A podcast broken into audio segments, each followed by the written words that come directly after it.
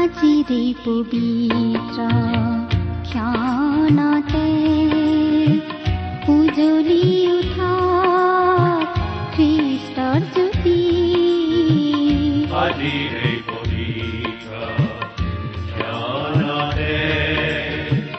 উজ্বলি উঠ খ্ৰীষ্টৰ জ্যোতি বাইবেল অধ্যয়নৰ এই শিক্ষামূলক অনুষ্ঠান ভক্তিবচনলৈ আপোনাক ওলগ জনাইছো। কতদিন বাগৰি যায় এবাৰ হেৰুৱা সুযুক্তি ভাই ঘূৰি যে নাহে দুনাই। এই যে জীৱন দুদিনীয়া আজি আছে, কাইলৈ নাই এই যে জীৱন দুদিনীয়া, আজি আছে, কাইলৈ নাই মাটি মানুহে পায়, মাটি ঠাই হেৰুৱা সুযোগি নাহে যে তোনাই অবাবতে নষ্ট কৰিবলৈ মানুহে সময় যে পায় অবাবতে নষ্ট কৰিবলৈ মানুহে কতনো সময় যে প্ৰভু যিচুৰ কথা ভাবিবলে খন্তে সময়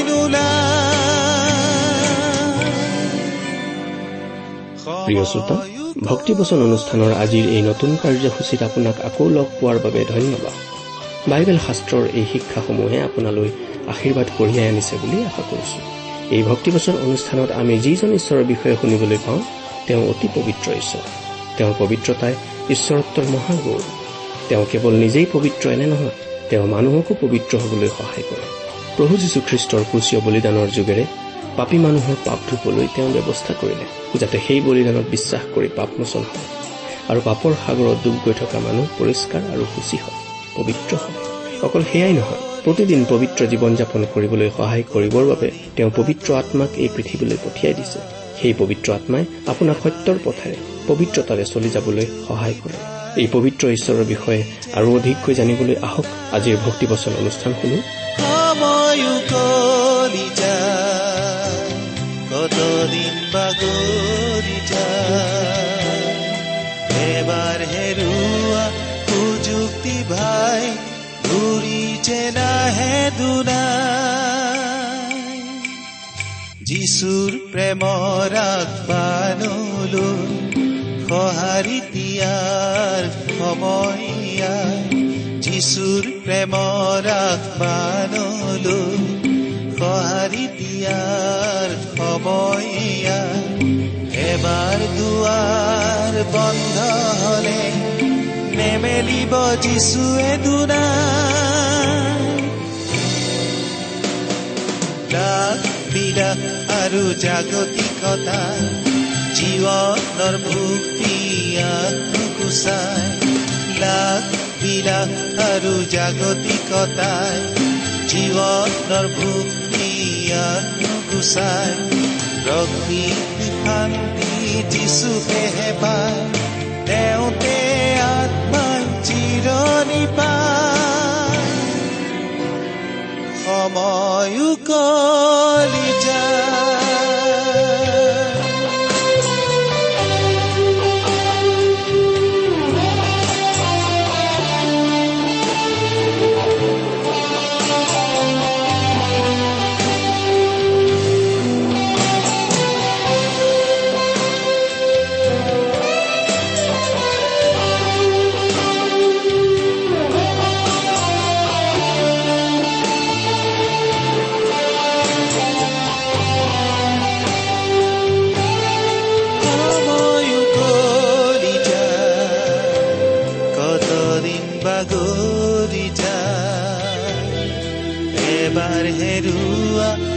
সুযুক্তি ভাই ঘূৰি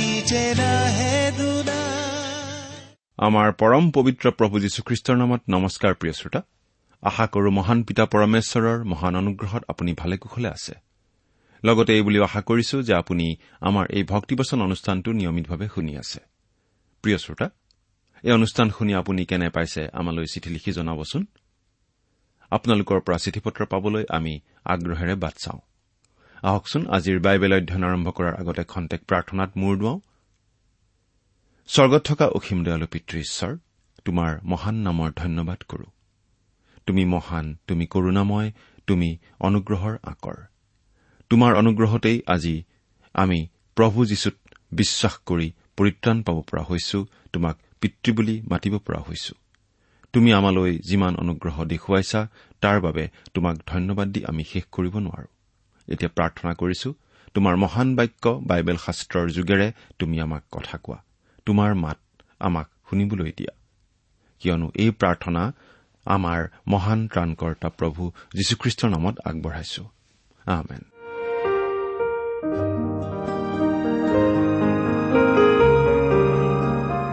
প্ৰিয় শ্ৰোতা আপুনি যদি আমাৰ এই ভক্তিপচন অনুষ্ঠানটো নিয়মিতভাৱে শুনি আছে তেনেহলে আপুনি নিশ্চয় জানে যে আমি আজি ভালেমান দিন ধৰি বাইবেলৰ পুৰণি নিয়ম খণ্ডৰ চলোমনৰ পৰম গীত নামৰ পুস্তকখন অধ্যয়ন কৰি আছো। নহয় জানো?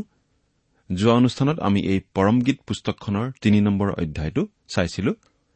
আজি আমি চাৰি নম্বৰ অধ্যায়টোৰ পৰা চাব খুজিছো। এই চলোমনৰ পৰম গীত আচলতে প্ৰেমৰ গীত। ৰজা চলোমন আৰু এগৰাকী সাধাৰণ ছোৱালীৰ মাজৰ প্ৰেমৰ গীত।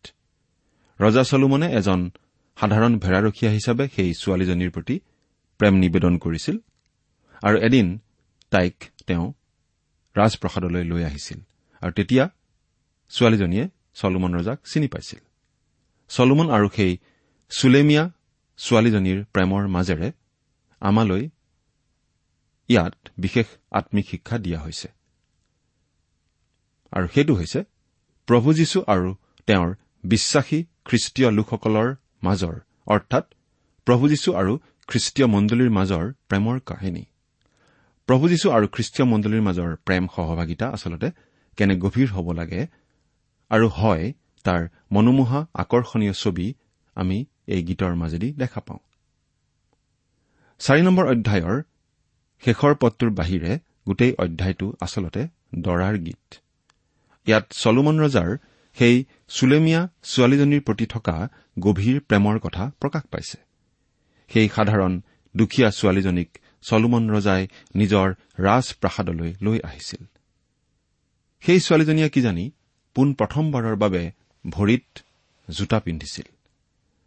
এতিয়া তাই অতি জাক জমকীয়া ধুনীয়া পোছাক পিন্ধি চলোমন ৰজাৰ সৈতে মেজত বহিছে। কি যে এটা বিশেষ মৰ্যাদাৰ কথা সেই সাধাৰণ ছোৱালীজনীৰ বাবে। আৰু সেইবাবে ছোৱালীজনীয়ে অতিশয় আনন্দ কৰিছে।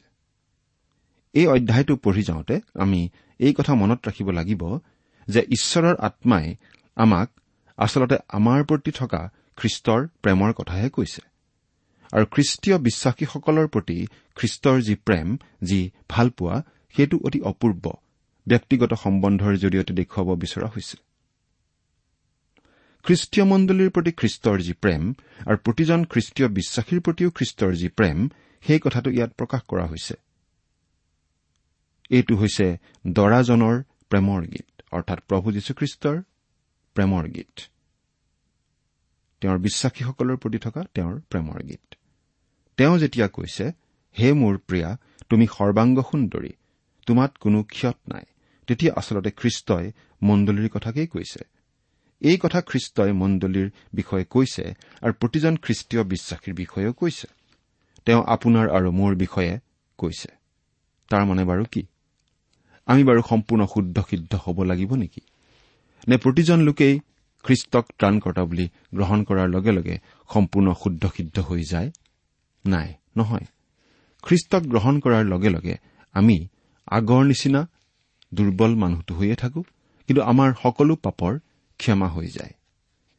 ইফিচিয়া পুস্তকৰ পাঁচ নম্বৰ অধ্যায়ৰ পঁচিছ আৰু ছাব্বিছ নম্বৰ পদ দুটা পাঠ কৰি দিব খুজিছো। ইয়াত আমি এনেদৰে পাওঁ। হে পুৰুষবিলাক খ্ৰীষ্টে যেনেকৈ মণ্ডলীক প্ৰেম কৰিলে আৰু তাৰ কাৰণে নিজকে সোধাই দিলে তেনেকৈ তোমালোকেও নিজ নিজ ভাৰ্যাক প্ৰেম কৰা। তেওঁ তেজস্বী অৰ্থাৎ দাগ থকা বা সুতৰা পৰা আদি কৰি একো ঘূণ নথকা অথচ পবিত্ৰ আৰু নিষ্কলংক মণ্ডলী নিজৰ আগত নিজে উপস্থিত কৰিবৰ কাৰণেই। সাতাইছ নম্বৰ পদত পাওঁ জলস্নানৰ দ্বাৰাই বাক্যত তাক সূচী কৰি পবিত্ৰ কৰিবলৈ নিজকে সোধাই দিলে। আচলতে আমি যিমান ডাঙৰ পাপীয়েই নহওঁ কিয়? যেতিয়া আমি খ্ৰীষ্টক আমাৰ প্ৰভু আৰু ত্ৰাণকৰ্তা বুলি গ্ৰহণ কৰো তেতিয়া খ্ৰীষ্টই ক্ৰুচত বোৱাই দিয়া তেওঁৰ তেজেৰে ধুই আমাক সূচী কৰি পেলায়। তেওঁ আমাৰ পাবলগীয়া শাস্তি আমাৰ হৈ ক্ৰুচত বহন কৰিলে। গতিকে আমি তেওঁত বিশ্বাস কৰাৰ লগে লগে আমাৰ সকলো পাপৰ ক্ষমা লাভ কৰো। গতিকে আমাৰ বিৰুদ্ধে আৰু একো অভিযোগ নাথাকে। আমি আৰু কোনো শাস্তি পাব নালাগে। কিন্তু আমি আচলতে আমাৰ পুৰণি প্ৰকৃতিটোলৈয়েই থাকো। গতিকে আমি প্ৰত্যেক সময়তে সূচী হোৱাৰ প্ৰয়োজন থাকে। তদুপৰি আমি এই পৃথিৱীত থাকোতে এই পাপে ভৰা মন্দ জগতখনৰ প্ৰভাৱ আমাৰ ওপৰত পৰে। গতিকে আমি অনবৰতেই পৰিষ্কৃত হৈ থাকিবলগীয়া হয়। খ্ৰীষ্টই আমাক অনবৰতেই ধুই পৰিষ্কাৰ কৰি থাকে। তেওঁ আমাক পৰিষ্কাৰ কেনেকৈ কৰে বাৰু? তেওঁ আমাক পৰিষ্কাৰ কৰে তেওঁৰ বাক্যৰ দ্বাৰা। আৰু তেওঁৰ জীৱন্ত বাক্য হৈছে বাইবেল শাস্ত্ৰ। আৰু সেইবাবে আমি বাইবেল অধ্যয়ন কৰো। প্ৰভু যীশুৱে তেওঁৰ বিশ্বাসীসকলক তেওঁৰ বাক্যৰ দ্বাৰা ধুই পৰিষ্কাৰ কৰি থাকে। আচলতে প্ৰভু যীশুখ্ৰীষ্টই নিজে তেওঁৰ মণ্ডলীক তেওঁৰ বিশ্বাসীসকলক কোনো দাগ নথকা কোনো খুট নথকা কৰিব আৰু সেই কৰা কামটো তেওঁ চলাই আছে। আমাক খ্ৰীষ্টত চোৱা হ'ব। যেতিয়া আমি খ্ৰীষ্টত থাকো তেতিয়া আমাক খ্ৰীষ্টত দেখা যায়। গতিকে খ্ৰীষ্ট যিহেতু সম্পূৰ্ণ পবিত্ৰ সম্পূৰ্ণ নিষ্পাপ আমাকো তেনেকুৱাই দেখা যায়। সেইবাবেই খ্ৰীষ্টই মণ্ডলীলৈ চাই ক'ব পাৰে হে প্ৰিয়া তুমি সুন্দৰী তোমাক কোনো দাগ নাই তোমাত কোনো খুট নাই। মণ্ডলীৰ সকলো দাগ তেওঁ মুচি দিলে তেওঁৰ তেজেৰে। প্ৰতিজন খ্ৰীষ্টীয় বিশ্বাসীৰ দাগ তেওঁ মুচি দিলে তেওঁৰ তেজেৰে। সেইবাবে খ্ৰীষ্টই যেতিয়া তেওঁৰ বিশ্বাসীসকললৈ চাই সেই বিশ্বাসীসকলক তেওঁ সম্পূৰ্ণ পবিত্ৰ সম্পূৰ্ণ সূচী হিচাপেই দেখা পায়। চাৰি নম্বৰ অধ্যায়ৰ এক নম্বৰ পদৰ পৰা পাঁচ নম্বৰ পদলৈকে পাওঁ চলোমনে তেওঁৰ কন্যাৰ ৰূপ প্ৰশংসা কৰাৰ কথা। কোনো কোনো বাইবেলৰ শিক্ষক আৰু বাইবেলৰ শিক্ষাৰ্থীসকলে এই অংশটোৰ ব্যাখ্যাত কেৱল যৌনাচাৰৰ কথাটোত গুৰুত্ব আৰোপ কৰে। তাৰ বিপৰীতে আকৌ আনসকল শিক্ষক আৰু শিক্ষাৰ্থীয়ে ইয়াত যৌন সম্ভোগৰ কথা নাই বুলি কবলৈ প্ৰয়াস কৰে। কিন্তু দুয়োটা ধাৰণাই সঁচা নহয়। দুয়োটা ধাৰণাৰ মাজৰটোহে সঁচা। ইমানখিনি সৌন্দৰ্য প্ৰশংসা কৰাৰ পাছত দুয়ো দুয়োৰে সৈতে ইমানবোৰ সময় কটোৱাৰ পাছত ঈশ্বৰে অনুমোদন কৰা ধৰণে তেওঁলোক নিশ্চয় শাৰীৰিকভাৱে মিলিত হৈছিল। আৰু এনেদৰে শাৰীৰিকভাৱে মিলন হোৱাৰ বিষয়টো কোনো ভূতে দিয়া বিষয় নহয় ঈশ্বৰেই দিয়া বিষয়। কিন্তু তাকেই চৰিতাৰ্থ কৰা উচিত ঈশ্বৰে অনুমোদন জনোৱা বিধিৰ দৰেহে। সেই বিধিৰ বাহিৰত আন যিকোনো প্ৰকাৰে শাৰীৰিকভাৱে মিলিত হোৱাটো পাপ। এতিয়া বাইবেলৰ পৰা পাঠ কৰি দিম। চাৰি নম্বৰ অধ্যায়ৰ এক নম্বৰ পদটো পঢ়ি দিছো। হে মোৰ প্ৰিয়া চোৱা তুমি সুন্দৰী চোৱা তুমি সুন্দৰী। উৰণিৰ ভিতৰত থকা তোমাৰ চকুজুৰি দুটি কপৌৰ নিচিনা। তোমাৰ কেশ গিলিয়ত পৰ্বতৰ ছালত শুই থকা চাগ এজাকৰ নিচিনা। আমি ইয়াত সেই চুলেমীয়া ছোৱালীজনীৰ বিষয়ে অতি সূক্ষ্ম বৰ্ণনা পাওঁ। ছোৱালীজনীৰ শাৰীৰিক সৌন্দৰ্যৰ বৰ্ণনা আমি পাওঁ। দৰা আৰু কইনাৰ মাজৰ সম্বন্ধ কেৱল শাৰীৰিক নহয় কেৱল শাৰীৰিক সম্বন্ধ হলে সেয়া জীৱ জন্তুৰ সম্বন্ধহে হ'ব। কিন্তু প্ৰকৃত বৈবাহিক সম্বন্ধ হৈছে মৰম ভালপোৱাৰ আধাৰত শাৰীৰিক সম্বন্ধ। দুয়োটাৰে প্ৰয়োজন আছে। সেইবাবে ইয়াত আমি শাৰীৰিক সৌন্দৰ্যৰ বৰ্ণনাও পাইছো। দুই আৰু তিনি নম্বৰ পদ। তোমাৰ দাঁতবোৰ দুটি দুটি পোৱালি থকা আৰু কোনেও পোৱালিৰ পৰা বঞ্চিত নোহোৱা। গা ধুৱাই আনি নতুনকৈ নোম কটা এনে ভেড়া এজাকৰ নিচিনা। তোমাৰ ওঠ দুখন ৰঙা বৰণীয়া এহাল সূতাৰ নিচিনা।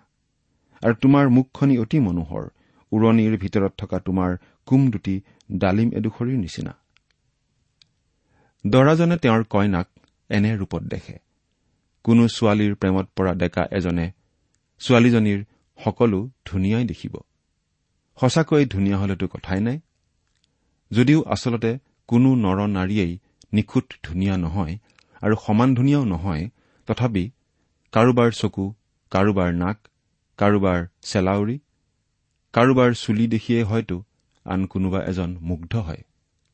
প্ৰেমিকে প্ৰেমিকাৰ শাৰীৰিক সৌন্দৰ্যৰ কথা আন সকলোতকৈ বেছিকৈ জানে। ইয়াতে আচলতে এই কথাটো প্ৰকাশ পাইছে যে প্ৰভু যীশুৱে আমাক প্ৰেম কৰে আৰু আমাক ভালদৰে তেওঁ জানেও। আমি নিজক ফাঁকি দিয়া বন্ধ কৰিব লাগে কাৰণ আমি তেওঁক ফাঁকি দিব নোৱাৰো। তেওঁ আমাক সম্পূৰ্ণৰূপে জানে। গতিকে আমি এই বুলিও ক'ব পাৰো যে যিহেতু তেওঁ আমাক ইমান ভালদৰে জানে আৰু তেওঁৰ পৰা আমি একো লুকুৱাব নোৱাৰো গতিকে আমি তেওঁৰ ওচৰলৈ গৈ তেওঁৰ আগত আমাৰ সকলো কথা খুলি ক'ব পাৰো।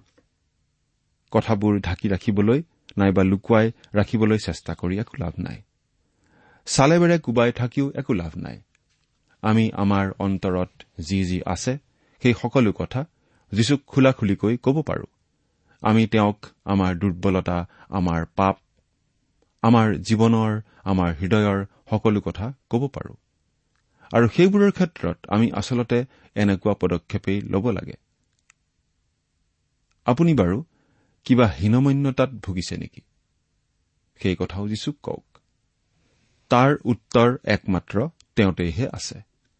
এজন বিখ্যাত মনোবিজ্ঞানীয়ে এবাৰ এনেদৰে কৈছিল আমি আচলতে মানুহৰ মনৰ পৰা হীনমন্যতা নোহোৱা কৰিব নোৱাৰো।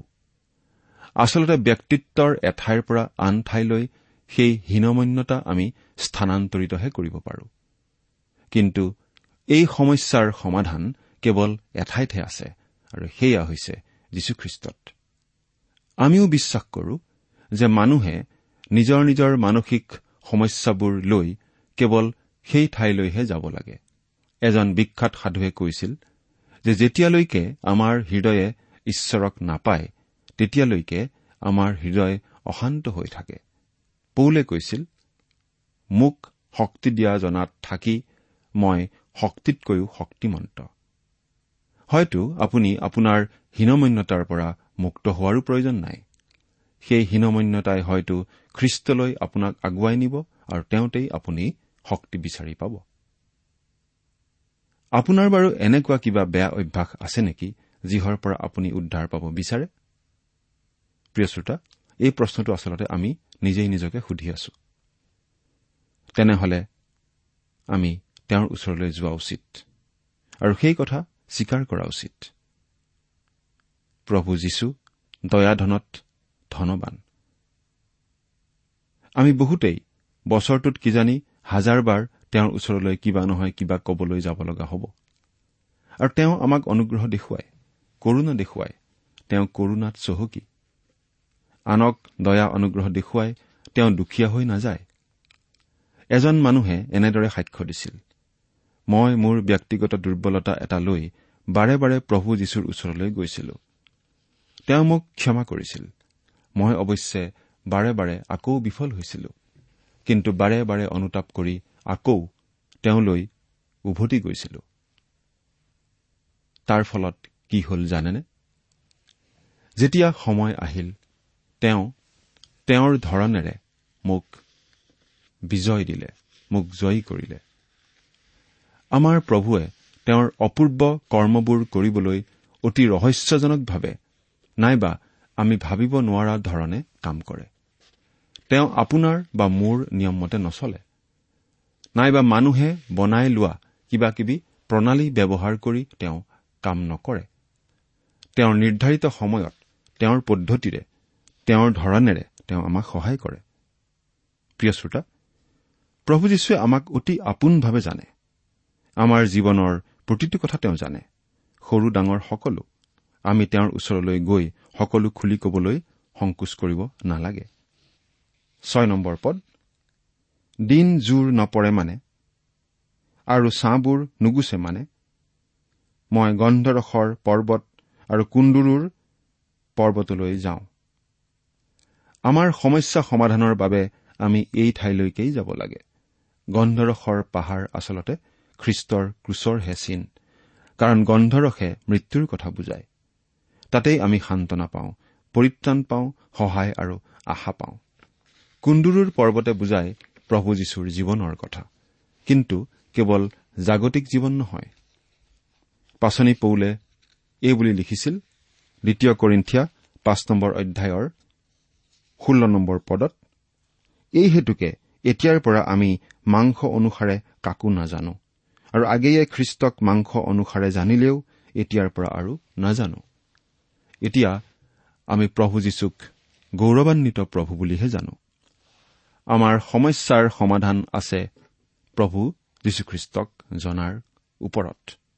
তেওঁক জনা মানে সম্পূৰ্ণৰূপে তেওঁৰ মন চিনি পোৱা সম্পূৰ্ণৰূপে তেওঁৰ মন বুজি পোৱা। ফিলিপিয়া দুই অধ্যায় পাঁচ নম্বৰ পদত আমি এনেদৰে পঢ়িবলৈ পাওঁ খ্ৰীষ্ট যীশুত যি ভাৱ সেয়ে তোমালোকতো হওক। সেইবাবেই আমি বাৰে বাৰে কৈ থাকো যে উত্তৰটো আছে ঈশ্বৰৰ বাক্যত। প্ৰভু যীশুৰ মন কি আমি জানিব পাৰো তেওঁৰ বাক্যৰ জৰিয়তেহে? তেওঁৰ বাক্য নজনা কাৰণেই মানুহে সমস্যাৰ সমাধান বিচাৰি প্ৰশ্নৰ উত্তৰ বিচাৰি আন আন ঠাইলৈ যায় আন আন উপায় বিচাৰি থাকে। ঈশ্বৰৰ বাক্যতনো কি আছে সেই কথা ভালদৰে নজনা বাবেই ভুৱা শিক্ষক প্ৰচাৰক আদিৰ চলাহী কথাৰ দ্বাৰা মানুহ প্ৰতাৰিত হয়। মানুহ ভুল যায়। কিন্তু ঈশ্বৰৰ বাক্যৰ যোগেদি আমি প্ৰভু যীশুক জানিব পাৰো তেওঁৰ মন বুজিব পাৰো আৰু তেওঁৰ সৈতে ভোজনৰ মেজত বহিব পাৰো। আমাৰ ভোজন হৈছে আম্মিক ভোজন আৰু আমাৰ আহাৰো হৈছে আম্মিক সেই আম্মিক ভোজনতেই আমি তেওঁত আনন্দ আৰু সন্তুষ্টি লাভ কৰিব পাৰো। প্ৰভু যীশুৱে যে আমাক কিমান প্ৰেম কৰে আমি সেই কথা নাভাবো আৰু অনুভৱ কৰিব নোখোজো। কিন্তু তেওঁ কি কৈছে? শুনকচোন। ন আৰু দহ নম্বৰ পদ। হে মোৰ ভনী স্বৰূপা কন্যা তুমি মোৰ মন মোহিত কৰিছা। তোমাৰ চকুৰ এক কটাক্ষেৰে তোমাৰ ডিঙিৰ এধাৰ হাড়েৰে মোৰ মন মোহিত কৰিছা। হে মোৰ ভনী স্বৰূপা কন্যা তোমাৰ প্ৰেম কেনে মনোমোহা? তোমাৰ প্ৰেম দ্ৰাক্ষাৰসতকৈও কেনে উত্তম? তোমাৰ নানাবিধ সুগন্ধি তেলৰ ঘ্ৰাণ সকলো প্ৰকাৰ সুগন্ধি দ্ৰব্যতকৈও কেনে উত্তম? দৰাই কইনাক কোৱা কথাই আচলতে প্ৰভু যীশুৱে তেওঁৰ বিশ্বাসীসকলক কথা কোৱা বুজায়। প্ৰভু যীশুৱে তেওঁৰ নিজৰ লোকসকলক এনেদৰেই কয় আজি তেওঁ আমাক ইমানেই প্ৰেম কৰে। তেওঁ আমাক কিমান প্ৰেম কৰে সেই কথা জানিলে বুজিলে আমাৰ অন্তৰ নিশ্চয় গলি যাব। একমাত্ৰ ঈশ্বৰৰ আত্মাইহে এই প্ৰেম আমাৰ বাবে বাস্তৱ কৰি তুলিব পাৰে। কিছুমান মানুহে গাড়ীত বা ঘৰৰ বেৰত লিখি থয় যীশুৱে তোমাক প্ৰেম কৰে। সেই কথা আপুনি বাৰু কেনেকৈ জানে? আপুনি বাৰু নিজে সেই প্ৰেমৰ সোৱাদ পাইছেনে? এই মুহূৰ্তত আপুনি বাৰু প্ৰভু যীশুৱে আপোনাক প্ৰেম কৰাৰ কথাটোৰ প্ৰতি সজাগ নে প্ৰিয় শ্ৰোতা তেওঁ আপোনাক প্ৰেম কৰে। আপুনি তেওঁৰ প্ৰেমত পৰা উচিত। এতিয়া কইনাই কোৱা কথা আমি দেখিবলৈ পাম ষোল্ল নম্বৰ পদত। পাঠ কৰি দিছো। হে উত্তৰৰ বায়ু সাৰ পোৱা। হে দক্ষিণৰ বায়ু আহা। সুগন্ধি দ্ৰব্যৰ সুঘ্ৰাণ ওলাবৰ নিমিত্তে মোৰ উদ্যানত বলোৱা। মোৰ প্ৰিয়ই নিজ উদ্যানলৈ আহি সোমাওক আৰু নিজৰ উত্তম ফলবোৰ ভোজন কৰক। প্ৰভু যীশুৱে ওপৰ কোঠালিত তেওঁৰ শিষ্যসকলক দিয়া উপদেশত কি কথা শিকাইছিল সেই বিষয়ে আমি জোহন তেৰ নম্বৰ অধ্যায়ৰ পৰা সোতৰ নম্বৰ অধ্যায়ত পাওঁ। তাৰ মাজতেই চৈধ্য নম্বৰ অধ্যায়ত আমি পাওঁ প্ৰভু যীশুক তেওঁৰ শিষ্যসকলে বাৰে বাৰে প্ৰশ্ন সুধিছে। তেওঁক যীহুদায়ো প্ৰশ্ন সুধিছে। তেওঁক যীহুদাই কি সুধিছিল বাৰু? জোখন চৈধ্য অধ্যায় বাইশ নম্বৰ পদত আমি এনেদৰে পাওঁ তেতিয়া ইস্কৰিয়তীয়া নহয় আন যীহুদাই তেওঁক কলে হে প্ৰভু কিনো হল যে আপুনি জগতৰ আগত প্ৰকাশিত নহৈ আমাৰ আগত নিজকে প্ৰকাশ কৰিব? অৰ্থাৎ সেই যীহুদাই প্ৰভু যীশুক এনেদৰে সুধিছে প্ৰভু আপোনাৰ লগত এনেদৰে সময় কটাই খুব ভাল লাগিছে। আপুনি আমাৰ আগত নিজকে প্ৰকাশ কৰিছে। কিন্তু বাকী জগতখনৰ ক্ষেত্ৰত আপুনি কি কয়? এতিয়া কইনাই বাৰ্তাটো পাইছে। হে উত্তৰৰ বতাহ উত্তৰৰ পৰা অহা বতাহ অতি চেঁচা। সেই বতাহে কন্যাক জাৰ লগাব পাৰে। তথাপি তাই বাৰু কিয় কৈছে হে উত্তৰৰ বতাহ তুমি সাৰ পোৱা? কিয় বাৰু? সেই বতাহ আচলতে মছলাজাতীয় সুগন্ধিৰ বতাহ। উত্তৰৰ পৰা অহা বতাহে সেই কইনাই উপভোগ কৰি থকা বিভিন্ন সুগন্ধি মছলাৰ সুবাস উৰুৱাই নিব লাগে যাতে আনসকলেও সেই সুবাস উপভোগ কৰিব পাৰে। আচলতে ইয়াৰ মাজেৰে কইনাগৰাকীয়ে তেওঁৰ দৰাই তেওঁক কেনেকুৱা হোৱাটো বিচাৰে তেনেকুৱা হবলৈ হাবিয়াস কৰা কথাটো প্ৰকাশ পাইছে। উত্তৰৰ পৰা অহা বতাহ যদিও অতি চেঁচা হিম শীতল তথাপি জহকালিৰ বতৰৰ নিচিনাকৈ এই চেঁচা বতৰৰো প্ৰয়োজন আছে যদিহে গছত ফল ধৰিব লাগে। আপেলৰ প্ৰকৃত সোৱাদ আহিব লাগিলে চেঁচা বতৰো লাগিব। আমাৰ জীৱনতো সেইটো সত্য। আমাৰ জীৱনত উত্তৰৰ হিম শীতল বতাহ অৰ্থাৎ দুখ কষ্ট প্ৰতিকূল অৱস্থা আদিৰ প্ৰয়োজন আছে যদিহে আমাৰ স্বভাৱ চৰিত্ৰ আমাৰ প্ৰকৃতি প্ৰভুৰ গ্ৰহণযোগ্য হ'ব লাগে। আমি সহ্য কৰিবলৈ টান পোৱা পৰিস্থিতিয়েই আচলতে আমাৰ জীৱনত ধাৰ্মিকতাৰ ফল ফলোৱাত সহায় কৰে। আমাৰ জীৱনত সদায় সহজ সৰল অৱস্থাই থকা হলে আমাৰ জীৱনৰ ফলবোৰ সেৰেকা সোৱাদহীন হলহেঁতেন।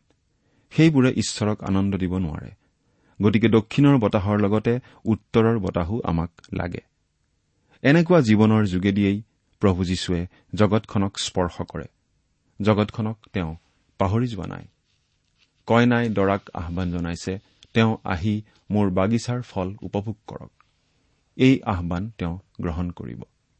প্ৰিয় শ্ৰোতা প্ৰভু যীশুৱে আজি আপোনাৰ জীৱনৰ কিবা ফল উপভোগ কৰিব বাৰু পাৰেনে? চিন্তা কৰি চাওকচোন। ঈশ্বৰে আপোনাক আশীৰ্বাদ কৰক।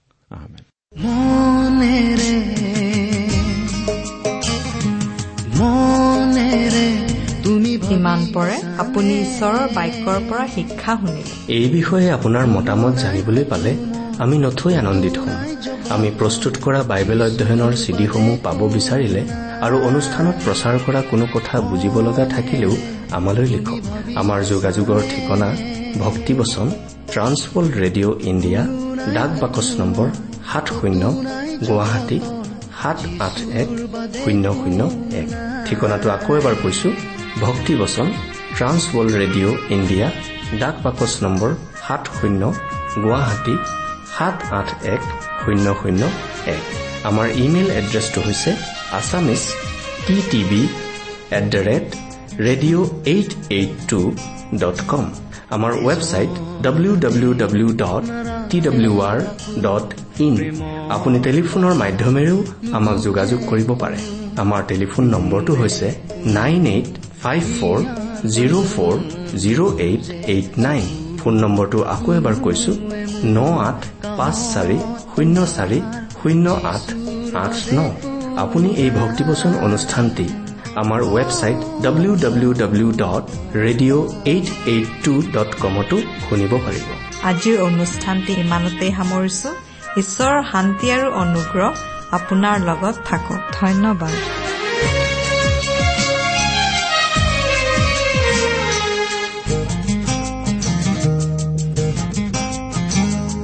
লাগে যদি অহাৰে ভৰা পৰিপূৰ্ণ জীৱন গাথা যিচুৰ তেজে দিয়ে পূৰ্ণতা যিচুৰ কথাই চকুলো মুছে যিচুৰ বাদে কোনো নাই তোমাৰ মনেৰে মনেৰে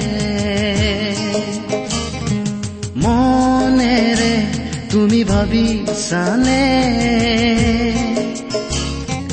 কোনো নাই কুতুমৰ কতো নাই জগতৰ যিচুৰ বাদে কোনো নাই। কোনো নাই কুতুমৰ কতো নাই জগতৰ যিচুৰ বাদে কোনো নাই। যিচুৰ বাদে কোনো নাই। যিচুৰ বাদে কোনো নাই